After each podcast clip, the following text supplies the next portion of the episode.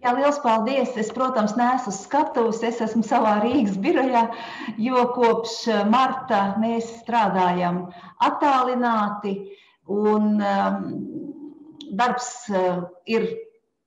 Tiešām darba ir daudz vairāk kā parasti, jo viss prasa daudz vairāk laika, bet visi, visi Eiropas parlamenta deputāti, arī tie, kam ir dzīvokļi vai pirkti vai īrēti Briselē, arī tie arī tie strādā attālināti. Protams, ka mēs visi ceram, ka mēs varēsim strādāt kopā, jo diskusijās dažkārt dzimst daudz labāk risinājumi. Nu, tagad mēs pieņemam tādas risinājumus, nu, kas ir akūti nepieciešami, par kuriem visi var ātri vienoties, bet, protams, tas nav īsti tās darbs, kam mēs esam gatavi un ko mēs eh, strādājam parasti. Nu, lūk, es vispirms tiešām gribu silti pateikties eh, pasākumu organizatoriem par to, ka mani ir uzaicinājuši teikt eh, šos vārdus, bet arī es domāju, ka šīs diskusijas ir ļoti nepieciešamas, lai palīdzētu Latvijas uzņēmējiem sagatavoties nākotnē, un nākotnē ir šis zaļais kurs.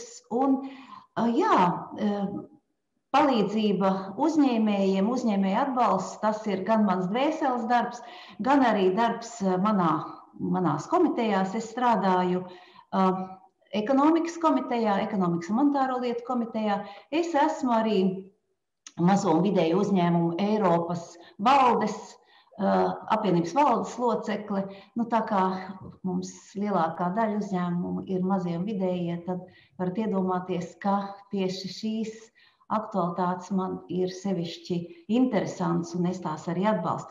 Jā, un, protams, otra man komiteja ir vides un veselības komiteja, un tur pašlaik ir tiešām arī ļoti, ļoti daudz darba, un arī tas bieži vien skar uzņēmējus. Es jums labprāt īsi pastāstīšu vispirms, kas tad ir šis Eiropas zaļais kurs, un pēc tam arī pieskaršos tam, kādas iespējas šis zaļais kurs dod mūsu uzņēmējiem, Eiropas uzņēmējiem, un kādu finanšu resursu palīdzēs to īstenot. Nu, kas tad ir īsti Eiropas zaļais kurs? Man liekas, ka šo vārdu salikumu ir dzirdējis jau gandrīz vai katrs tagad Latvijā, sevišķi jau uzņēmēji, jo viņiem ir skaidrs, ka šis zaļais kurs noteikti skars viņus. Nu, tas ir plašs plāns, lai mēs dzīvotu vidē draudzīgāk, lai mēs sasniegtu klimata mērķus un vienlaikus nodrošinātu arī ekonomikas izaugsmi. Tātad tā ir jaunā Eiropas ilgtspējīgas attīstības stratēģija. Nav, um, šis zaļais kurs nav Briseles izdomājums. Aptaujās ir atklājies, ka 90% Eiropas Savienības iedzīvotāju uzskata klimata pārmaiņas par nopietnu iemeslu bažām, nu, kā mēs varētu uz to neatsaukties. Jo patiešām šis satraukums ir pamatots, tikai gaisa piesārņojums vien katru gadu laupa apmēram 400 tūkstošu Eiropas iedzīvotāju dzīvības. Un, protams, eh, zaļajam kursam ir arī ekonomiski iemesli. Tas ir tas, ka mums ir bažas par pieaugušajiem zaudējumiem, ko rada klimata pārmaiņas. Šīs izmaiņas skar arī mums eh, Latvijā, jo mēs esam pamanījuši, ka klimats ir kļuvis daudz grūtāk prognozējams. Eh, ir vai nu sausums, vai, vai pārmērīgi nokrišņi. Tā tādi ekstremāli laika apstākļi, vai nu, jau vairs ir ikdiena. Uh, Nu, tas, protams, cērt sāpīgus eh, ro, robus arī uzņēmēju kabatās, ja pēkšņi ir nu, kaut kādi nekontrolējami eh, plūdi. Vairāk nekā puse no pasaulē radītās ekonomiskās vērtības ir atkarīga no dabas. Un tāpēc, ja mēs kaitējam dabai, mēs kaitējam arī uzņēmējiem. Zaudējot bioloģisko daudzveidību, izēvielu izmaksas var palielināties, resursi var izzust pavisam atsevišķi, Nu, protams, šai bioloģiskajai daudzveidībai ir saistība arī ar slimībām, ar pandēmiju. Nu, tātad, tas viss rada patiešām liels ekonomisks zaudējums. Nu, ko tad mēs iegūsim, ja mēs ieviesīsim šo zaļo kursu? Nu, mēs ļoti ceram un mēs strādājam, lai tās būtu jaunas, zaļas darba vietas, modernizēta ekonomika, vidēji draudzīgu preču, tehnoloģiju eksports, nu, ietaupījumi gan valsts budžetā, gan arī uzņēmēju kabatās. Nu, piemēram, mazākas izmaksas par importētu fosīlo kurināmu, nu, kurināmu nu, tas atsauksies uz jebkuru uzņēmēja uh, līdzekļiem, un tīrākas, lētākas enerģijas, nu, tās būs liels priekšrocības. Tāpēc, kā jūs jau esat dzirdējuši, tad Eiropas Savienība ir izvirzījusi mērķi līdz 2050. gadam panākt klimata neutralitāti, jeb stāvokli, kurā cilvēka darbība rada nulles ietekmi uz klimatu un, un vidi, protams. Un šo mūsu apņemšanos um, nostiprina klimata likums, ko mēs esam pieņēmuši Eiropas parlamentā. Konkrēti veidi, kā sasniegt šo klimata neutralitāti, tas būs, tie būs ietverti nozaru apakšlikumos, un līdz šī gada vasarai mēs gaidām, kad tos prezentēs Eiropas komisija. Jo tāda ir tā lietu kārtība. Vispirms šos likumus izstrādā Eiropas komisija, kas ir tāda tā kā valdība, un mēs, kā tāds parlaments, mēs iztirzājam, pilnveidojam, uzlabojam, cik tas ir iespējams. Un, protams, mēs vienojamies arī ar dalību valstīm. Mēs Eiropas līmenī rūpējamies par to, lai nodrošinātu taisnīgus konkurences apstākļus mūsu uzņēmējiem, salīdzinot ar citām pasaules valstīm. Nu, kaut vai, piemēram, mēs esam vienojušies par jaunu CO2 robežu šķērsojošo nodokli, lai tās preces, kas atstāja nopietnu ietekmi uz vidi, un ja mēs viņus importējam no ārzemēm, lai tās tiktu taisnīgi apliktas arī ar nodokļiem. Nu, piemēram, man liekas, lētās Ķīnas preces, tas ir pierādījums tam, ka ir jāstrādā šajā virzienā, jo tās ļoti bieži izkonkurē mūsu uzņēmējs, bet atstāja tiešām ļoti lielu nospiedumu uz apkārtējo vidi, kas mums ir visiem kopēja. Un mēs tā domājam, ka Eiropas komisija par konkrētiem mēs esam paredzējuši tā, ka par konkrētiem priekšlikumiem šī nodokļa ieviešanai nāks klajā līdz vasarai. Jā, nu, tie ir tādi svarīgi lēmumi uzņēmējiem, un uh, mums ir jābūt drošiem, ka uzņēmējiem ir pārliecība, ka ir vērts ieguldīt ilgspējīgā attīstībā. Nu, trīs galvenās nozares, kas rada CO2 izmešus, uh, ir enerģētika, transports, lauksaimniecība. Nu, tātad katrai jomai būs savi pielāgošanās uzdevumi. Iespējas uzņēmējiem. Nu, es vispirms gribu uzsvērt, zaļais kurs nav jāuzsver kā problēma, bet jāuztver kā iespēja.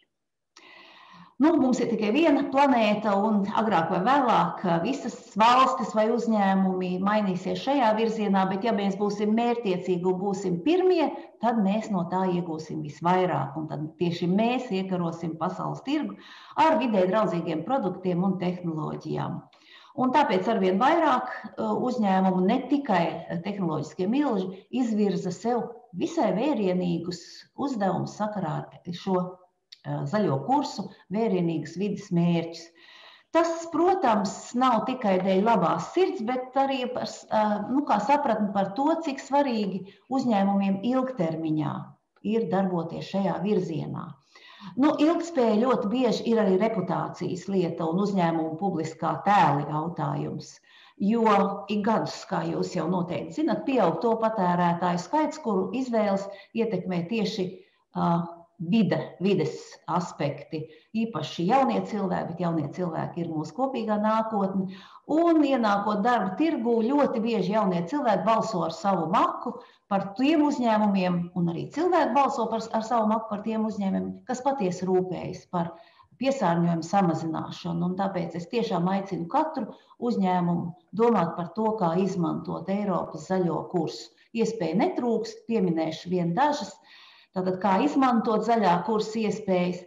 Nu, vispirms eh, mēs uh, esam iecerējuši, ka zaļā kursa iespējas tiks izmantotas pārējot uz tā saucamo aprites ekonomiku. Tātad nevis saražot, palietot, izmest, bet saražot, lietot un domāt, kā to izlietot atkārtot. Nu, tas, protams, padarīs dabas resursu izmantošanu efektīvāku. Tas samazinās arī atkritumus. Citādi mēs patiešām atkritumu kalnos noslīgsim. Mēs nu, pat vidas komitejā nesen apstiprinājām ziņojumu par jaunu Eiropas līmeņa rīcības plānu aprits ekonomikas ieviešanai, un tajā ir izdevies iekļaut daudzus manus priekšlikumus, kā nevajadzīgu iepakojumu samazināt, kā lietot, atkārtot šo iepakojumu, Tātad nu, tas ir skaidrs, ka Sākumā ražošanas procesa optimizēšana prasīs papildus līdzekļus, prasīs arī zināmu laiku, bet tas noteikti stiprinās uzņēmumu konkurētspēju un samazinās izmaksas ilgākā laika posmā. Nu, piemēram, saruks materiāla iepirkuma, enerģijas patēriņš, atkrituma apsaimniekošanas izdevumi. Arī, protams, iepērkot mazāk izēvielu, būs mazāka atkarība no ārējiem piegādātāju avotiem, no starptautiskām tirzniecības ķēdēm, kas īpaši tagad pandēmijas apstākļos, īpaši tās sākumā, parādījās kā liela problēma, kad kaut kur ķēde pārtrūkst, apstājas visa ražošana. Tātad šī piegādes, šie piegādes riski noteikti mazināsies. Mums arī ir noteikti svarīgi uzsvērt, ka ražotājiem ir jāsako tai tendencei un tai uh, vēlmei, cilvēku vēlmei patērēt un lietot produktus ilgāk. Tātad ir jābūt produktiem remontējumiem. Nu, ja tagad to lieto kā saule produkts, kā pakalpojums, nu, tieši, piemēram, saražo veļas mašīnu un nevis tādu, kas pēc diviem gadiem, kad beidzas garantija, ir jāizmet atkritumos, bet kas ir orientēta uz noteiktu mazgāšanas ciklu skaitu un ražotājs, par kuru rūpējās tālāk, lai to varētu arī remontēt un lietot. Varbūt vēl, nu, kā tagad savulaik ražotie leduskapi, veļas mašīnas, ko mēs varējām bez bažām lietot 10, 20 un vairāk gadus, kamēr cilvēkiem tiešām pašiem, nu, nu, pienāk dabiskais gals produktam, un kamēr mēs vēl, vēlamies ko jaunu um, uh, ieviest. Nu, aprits ekonomika, protams, ir iespēja Latvijas ražote, radošajiem uzņēmējiem, jo jaunas, ilgspējīgas preces, biznesa veidi noteikti radīs arī jaunas darba vietas. Un, kā liecina nesens pētījums, aprits ekonomikas ieviešana līdz 30. gadam Eiropas Savienībā papildus varētu radīt 700 tūkstoši jaunas darba vietas. Tad arī Latvijā. Un tātad tas krietni palielinās izaugsmi. Eh, šodienas temats ir ļoti svarīgs, jo ļoti perspektīvas zaļais attīstības virziens ir energoefektivitātes risinājumiem. Nu, runa ir ne tikai par mm, jaunajām tehnoloģijām, par saules enerģijām, bet īpaši vēlos izcelt ēku renovāciju. Līdz šim renovācija nav notikusi Latvijā pietiekamā apjomā, un uzņēmēji, kas ir spējīgi strādāt šajā virzienā, noteikti cer, ka šim virzienam tiks pielikt, nu, tā, pielikts daudz lielāks pūles arī no valsts puses, jo Eiropas Savienība tieši ēku renovāciju ir paredzējusi divkāršot tuvākajā nākotnē, un tam ir paredzēta arī eh, līdzekļi. Un mēs nu pat pieņēmām tā saucamo renovācijas viļņu stratēģiju, kur šis divkāršojums ir eh, cementēts, un līdz ar to mēs panāksim daudz lielāku energoefektivitāti, īpaši, ja strādāsim uz šo nu, dziļo tā saucamo renovāciju. Pašlaik patiešām ir, nu, es apbrīnoju to tūredzību, es to uzsveru, kādu ir pieļāvusi ekonomikas ministrija, tik ļoti maz līdzekļus atvēlot, lai palīdzētu um, ēku renovācijām. Būtībā, kaut arī Eiropas Savienība saka, tas ir jādilkāršo, būtībā šis līmenis ir palicis tāds pats. Ir paredzēta līdzekļi daudz dzīvokļu māju renovācijai, kultūras ēkas ir palikušas aiz kadra, aiz sliekšņa. Faktiski nu, tajā mazajā līdzekļu daudzumā, kas ir paredzēts gan daudzgadu budžetā, gan arī renovācijā, arī šajā atjaunošanas mehānismā. Atjaunošanas mehānismā vispār nekas nav paredzēts. Daudz gadu budžetā ir paredzēta neliela līdzekļa. Bet runājot par uzņēmēju darbību, tieši vēsturiskās ēkas ir tās, kas kuru renovācija nesīs vislielāko labumu gan cilvēkiem, pieaugot mājokļu vērtībai, gan arī uzņēmējiem, jo patīkamāka vide pieaudzina darba ražīgumu. Ir izpētīts, ka nu, apmēram par 11% pieaug darba ražīgums, ja cilvēks strādā renovētās ēkās. Skolēniem atjaunotajās skolās pat par 15%. Tad, nu, tas ir tāds ieguvums īpašumam, ieguvums darba ražīgumam. Skaidrs, ka mm, cenas pieaug īpašumam tikai renovētās mājās. Tās mājas, kuras nav renovētas, vai nu cenas īpašumiem eh, krīt, vai arī mīņājas uz vietas. Nu, šīs, eh, šīs, šie ieguvumi ir acīm redzami, un pat patiešām nav skaidrs, kāpēc, ja mēs varam Eiropas komisijai iedot priekšlikums tikai par 1,65 miljardiem, 2 miljardu veidā, Nu, tad kāpēc, piemēram, šai vienkāršai lietai, ēku energoefektivitātes uzlabošanai, renovācijām ir paredzēts tikpat līdzekļu, cik agrāk? Tas nav saprotams, un tā kā mums laiks vēl ir līdz 30. aprīlim, lai šos plānus pilnveidotu, nu, tad skaidrs ir, ka šajā virzienā noteikti ir jāstrādā. Jo renovējot, protams, mēs varam izmantot vietējos materiālus, darba spēku. Katrs nu, ir aprēķināts, ka Apmēram par šiem līdzekļiem var radīt jaunas darba vietas renovācijā apmēram 17, nu, noteikts līko, eh, līdzekļu daudzums. Nu, tas, tas tie līdzekļi apmēram ir tikpat lieli, kā, nu, lai uzturētu vienu uh, bezdarbnieku, ilgstošu bezdarbnieku. Nu, tad iegūmi ir tik skaidri.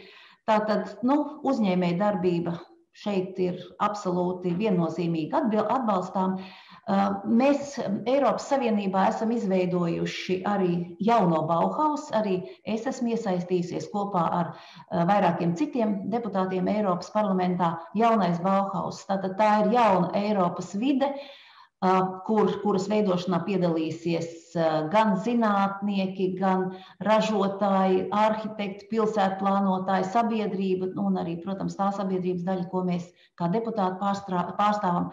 Tās ir jaunas iespējas, jauna vidi. Nu, tātad tiešām es arī kā Eiropas renovāciju vēstniece Latvijā, es strādāšu pie tā un savu iespēju robežās tiešām aicināšu vairāk pievērsties ar, ar līdzekļiem šiem, šiem jautājumiem. Nu, tagad es redzu tos 1,65 miljardus, kas nesasniedz 2 miljardus, ko mēs varētu iesniegt Eiropas komisijai. Man šķiet, ka tieši šādu vērienīgu projektu trūkums ir galvenais. Jo vienkārši, lai ministrijas aizlāpītu savus caurumus un, un izlietot šos līdzekļus tādā veidā, nu, tas nebūtu tas. Tā tad ir jāstrādā pie nozīmīgiem projektiem. Un ēku renovācija visā Latvijā, uzsver visā Latvijā, ir ļoti, ļoti nozīmīga. Rīgā, kā jūs zinat, ir um, šī iespēja, lai gan tagad tā ir apstājusies, iegūt 20 tūkstošus pasāžu atjaunošanā. Pirmkārt, tas ir ļoti maz. Otrakārt, ir bijis ļoti grūti šos līdzekļus iegūt uh, cilvēkiem, kas vēlētos to darīt. Nu, varbūt jaunā Rīgas doma kaut ko darīs, lai uh, šo virzienu attīstītu. Nu, skaidrs, ka zaļais kurs ietekmē arī Eiropas kopējo lauksaimniecības politiku un arī uzņēmēju darbību šajā sfērā. Uh, Un eh, mēs esam lēmuši, ka finansiāli atbalstīsim tieši tos lauksaimniekus vairāk, kas strādā vidē draudzīgi, kas strādā bioloģiski. Un mums ir labas iespējas, jo mēs esam sastajā vietā Eiropas Savienībā pēc zaļo lauksaimniecības platību īpatsvara, un šo virzienu eh, mēs noteikti attīstīsim. Un es aicinu uzņēmējus izmantot to, ka pieprasījums un peļņas iespējas šajā nozarē tikai pieaugs, bet arī šeit ir vajadzīgi sadarbība, jo vienatnē to īstenot ir ļoti grūti. Dažkārt ir jācīnās arī ar lielajām veikalu ķēdēm, kuras nelabprāt grib pieņemt izstrādājumus, kam ir īss termiņš, lietošanas termiņš, un tā uzņēmēji var ciest zaudējumus arī tad, ja šos, ja veikals īpaši nereklamē šos produktus. Jā, tas tā ir nopietna lieta, kur jāstrādā kopā. Nu, vēl viens virziens, protams, ir digitalizācija. Mums it kā dzelžiem, tehnoloģiju, tehnikas ir pietiekami daudz, vismaz uzņēmēja darbības līmenī un salīdzinot ar citām valstīm, bet prasmes ir pārāk zemas, un tas ir tas viens no zemākajiem Eiropas Savienībā. Un tagad, noteikti ņemot vērā attālināto mācīšanos, nu, mums ir brīnišķīga iespēja gan apgādāt jauniešus ar datoriem valsts mērogā, uzņēmēju mērogā. Šeit palīdzība ir iespējama un arī šīs prasmes tādējādi pilnveidot. Tātad nu, arī šie digitālie risinājumi var attīstīt efektīvāku mobilitāti, mazāk lieka transporta, efektīvāku transportu. Nu, tas jau arī, protams, palīdzēs sasniegt klimata mērķus. Jā, tā tad eh, es gribētu kliedēt šaubas tiem, kas saka, ka Eiropas zaļais kurs mums dārgi maksās, bet neko nedos. Jā, kaut kādi izdevumi, protams, tie būs, bet ir jārīkojas pārdomāti. Un dati parāda, ka vidas aizsardzība un ekonomikas jautājumi var tikt veiksmīgi salāgoti. Jo, piemēram, laikā no 1990. līdz 2020. gadam Eiropas Savienība siltuma efekta gāzu emisijas samazinājās par 23%, bet ekonomikas izaugsme pieauga par vairāk nekā 60%. Tātad šis ceļš ir vienkārši jāturpina, un tajā ļoti nozīmīga loma būs tieši uzņēmējiem, kā jaunu darba vietu un iespēju radītājiem. Nu, protams, svarīgs jautājums, tad, kas tad par to īsti maksās, vai viss būs jāsadz uzņēmējiem. Labā ziņa ir tāda, ka ieguldījumus zaļā kursa ieviešanai varēsim finansēt, izmantojot plašu Eiropas fondu atbalstu. No jaunā daudzgadu budžeta un ekonomikas atvesļošanas fonda kopā līdz 27. gadam Latvija grantos, jeb neatmaksājumā palīdzībā, kopā saņems vairāk nekā 10 miljārdus eiro un vismaz 30%, vismaz trešdaļa šīs naudas būs atvēlēti eh, vides un klimata mērķu sasniegšanai.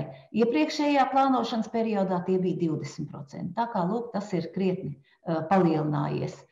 Gan arī 100 miljārdi eiro Eiropas līmenī būs pieejami zinātnes programmā apvārsnes Eiropa. Šī, šī līdzekļu daļa nav iezīmēta kā speciālā aploksnē Latvijai. Mūsu uzņēmējiem, mūsu zinātniekiem būs jāpacīnās kopējā konkurences cīņā par šo līdzekļu iegūšanu, bet es ticu, ka ņemot vērā tiešām mūsu talantīgos uzņēmējus un zinātniekus, es esmu tiešām pārliecināta, ka mēs noteikti būtisku daļu varam arī iegūt. Ir mums arī izveidots tā saucamais taisnīgās pārkārtošanās fonds. Nu, tas ir paredzēts reģioniem un nozarēm, kurām pārēj uz vidēji draudzīgu saimniekošanu prasīs lielākas pūles. Latvijai šeit uh, būs pieejams apmēram 200 miljoni. Vēl pirms gada bija lēsts, ka tie būs apmēram 97 miljoni. Tātad ir izdevies uh, mūsu kopīgo pūļu rezultātā palielināt šo daudzumu. Un šos eh, līdzekļus mēs varēsim izmantot, lai pārkārtotu tās nozares, kas rada lielākos CO2 izmešus. Un, protams, arī darbinieku pārkvalifikācijai, uzņēmēju atbalstam. Tas viss būs pieejams. Kā viena no prioritātēm šai pārstruktūrizācijai Latvijā ir izvēlēta kūdras nozara. Manuprāt, tiešām šo nozaru ir vēlams un nepieciešams modernizēt, jo būtu svarīgi izvest ne iegūto kūdru, bet jau produktu, kūdras produktu ar lielāku, daudz lielāku pievienoto vērtību. Un e, noteikti es neatbalstu tās runas, ka šī nozara būtu jāslēdz. Tas, tas, manuprāt, ir izdomājums. Šī nozara nav jāslēdz. Tā Latvija ir ļoti būtiska. Kūdra arī dabīgi atjaunojas, tikai mums ir jāspēj, kā jau teicu, eksportēt, ražot produktus ar daudz lielāku pievienoto vērtību visas Eiropas mērogā. Un tad arī šī nozara kļūst patiesi ienesīga ne tikai nozars īpašniekiem, bet arī strādājošiem un galu galā arī visiem Latvijā dzīvojušiem caur nodokļiem. Tātad, um, manuprāt, ļoti nozīmīga nozare. Vēl gribu piebilst to, ka attīstās arī ilgspējīgo, jeb zaļo finanšu nozare. Nu, tā tad uh, ir arvien plašākas iespējas piesaistīt investorus šiem zaļajiem produ uh, produktiem un projektiem. Nu, Jā, tā tad eh, es esmu galveno pateikusi, un nobeigumā vēlos pateikt tikai to, ka pasaules mēroga ceļš uz klimata neutralitāti uzņem ātrumu. Ja vēl pirms gada eh, Eiropas Savienība bija starp nedaudzajiem, kas pieteica šo mērķi, tad pēdējā gada laikā ir to izdarījuši arī daudz citi - Ķīna, Japāna, Dienvidkoreja, Amerikas Savienotās valsts. Es tiešām patiesi no sirds uzskatu, ka Latvijai ir jābūt līderei šo pārmaiņu ziņā, arī pasaules, arī Eiropas mērogā. Mēs to varam. Nu, mums Latvijā mums ir, mēs, mums ir jābūt vienkārši starp radošākajiem, arī starp izveicīgākajiem. Tehnoloģija jauno produktu ieviešanā. Nu, es, protams, to novēlu mūsu uzņēmējiem un izmantojiet visas iespējas cik varēšu, atbalstīšu arī savā darbā. Nu, un lai jums labi veicas gan šodien, gan arī nākotnē. Paldies, paldies par uzmanību. Paldies, Vaidars Kundze, par uzmundrinošo stāstījumu un daudz labajām ziņām. Mums ir arī uh, vairāk jautājumu no skatītājiem. Uh, viens varbūt par to pēdējo aktualitāti par šiem fondiem, kur būtu pieejama informācija, varbūt apkopotā veidā par uh, pieejamiem fondiem un finansējumu. tiem uzņēmumiem, kuriem jau ir interese? Jā, joprojām šie ceļi nav mainījušies, nav izveidots jauns vakcinācijas birojas uzņēmējiem.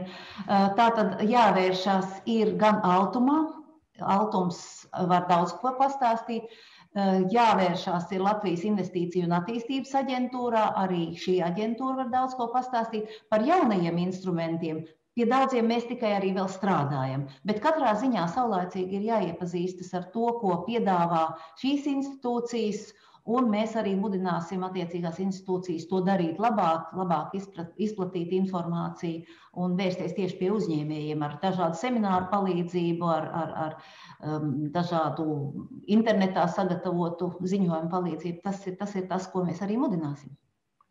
Uh, varbūt arī tāds jautājums ir tieši par zaļo kursu, vai plānots ir, uh, lai ātrāk veicinātu šo pārējo uz elektri, transporta elektrifikāciju, vai ir plānots atbalsts uh, elektroautorātam. No Eiropas puses Latvijā šis jautājums arvien paliek aktuālāks. Zinām, ka kaimiņu valstīs ir dažādi šie mehānismi, kas atbalsta tos, kas vēlas iegādāties elektroautorātu. Vai Latvijā ir plānots kas tāds, vai jūs no Eiropas puses arī saredzat, ka tas tiks ieteikts? Tas ir interesants jautājums. Es pat arī domāju par elektroautorātu. Pašlaik tas, ko es personīgi esmu izdarījusi, es biju ziņotāja tieši par uzdevumu Eiropas mērogā, tātad arī katrai dalībvalstī sakārtot vispirms šo uzlādes tīklu. Jo nu, man personīgi, tā kā man ir lauki dažādās Latvijas malās, man ir ļoti svarīgi, lai es dažkārt dienā varētu nobraukt 500 km un pēc tam arī varbūt doties citā virzienā. Pašlaik tas ir ļoti grūti iespējams.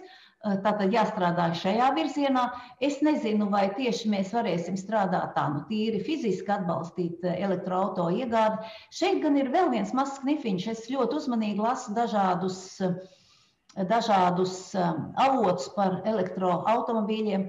Un ļoti daudz zinātnieki un praktiķi arī apgalvo to, un man nav pamata viņiem gluži neticēt, ka elektroautorāta sakarā ar baterijām, ar to visu iekārtu, kas palīdz uzlādēties, viņi varbūt pašlaik šajā brīdī nemaz nav tik vidēji draudzīgi. Jā, gaisam noteikti, bet uh, ir diezgan liels atkritumu daudzums, kas paliek gan šo, šos auto utilizējot, gan arī šo visu uzlādes sistēmu uzturot un uh, uzlādējot. Uh, bet es katrā ziņā aicinu strādāt šajā virzienā, jo tīrs gaiss, es jau teicu, ka tas prasa simtiem tūkstoši priekšlaicīgu uh, dzīvības zaudējumu Eiropas mērogā. Par tādu, kā rezumējot, tad diez vai mēs varam runāt par tādu tieši finansiālu atbalstu. Tas ir jārisina valsts līmenī. Bet vēl runājot par šiem elektroautorātiem, es tiešām no visas sirds vēlreiz atgādinu, renovācijas, tādi uzņēmējdarbības veidi, kur nauda paliek Latvijā, nauda ir jāpaliek Latvijā, šajā atvesļošanas fonda daudzgadu budžeta. Ja mēs uh, pirksim masveidā elektroautorātu, tas būs ļoti labi gaisam, bet nauda aizplūdīs no Latvijas, jo mēs neražojam elektroautorātu. Ja sāksim ražot, nu, tad būs labi.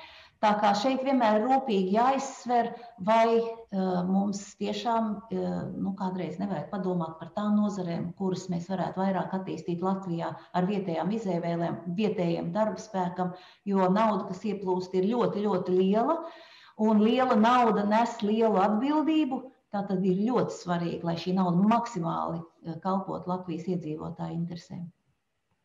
Nu, paldies par atbildi. Tas uh, uzmundrinājums, ka Latvijā jāsāk ražot elektroautorātu. Es ceru, ka uh, dzirdīgas ausis to sadzirdēs. mēs to varam. Mēs Jā, to varam. protams. Jā. Uh, arī nākamajās prezentācijās būs arī par elektroautorātu un uh, transporta attīstību.